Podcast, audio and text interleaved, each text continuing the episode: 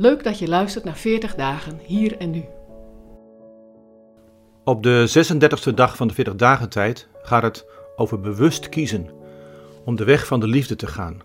Door dingen niet meer te doen of af te leggen. Af te leggen omdat het je hindert op die weg. Een bijdrage van Peter Wierdenga met als titel Het IJzeren Kruis. De Camino naar Santiago de Compostela is een beroemde tocht voor pelgrims. Te voet, in een rolstoel of te fiets ga je van je huis naar het verre Spanje. En het doel is niet zozeer die bestemming, maar het onderweg zijn. Veel mensen zoeken ruimte in hun leven om na te denken en te bezinnen. Of ze willen zich heroriënteren op wat belangrijk is, of hun leven rigoureus omkeren. Het is dus niet alleen een tocht door allerlei landschappen, maar ook een innerlijke en geestelijke reis.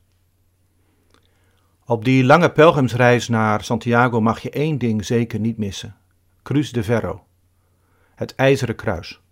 Op een heuvel, in een met stenen gestapeld landschap, staat een vijf meter hoge houten paal met daarbovenop een ijzeren kruis.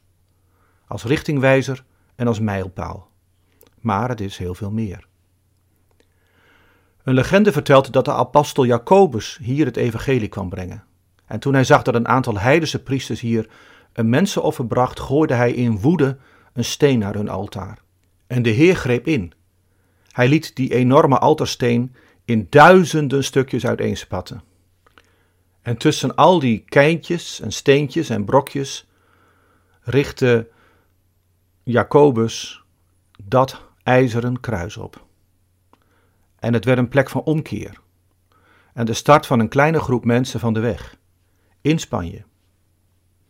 Inmiddels is het ook een plek geworden van miljoenen extra stenen, want iedere pelgrim die naar Santiago op weg is, haalt hier een persoonlijke steen uit de eigen bagage. Stel dat eens voor.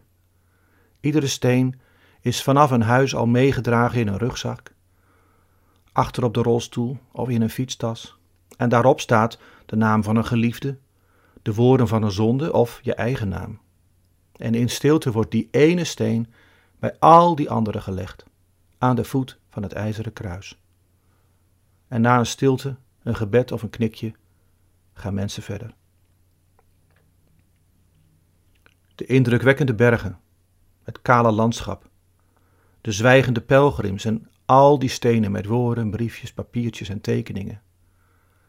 Ze staan symbool voor het achterlaten van dat zware gewicht dat je zelf zo lang hebt meegetild. Het is het symbool van het afleggen van je verdriet, of je boosheid, of je zonde, of je eigen ik, bij de voet van het kruis. En vaak is de stilte erna een belofte om je opnieuw toe te wijden aan wat belangrijk is, wat goed is, wat mooi, wat waardevol en licht. Vanaf het ijzeren kruis vervolgen mensen de weg. Die weg is een beetje lichter geworden.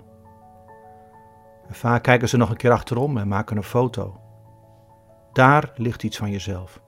Daar bij dat eeuwenoude kruis.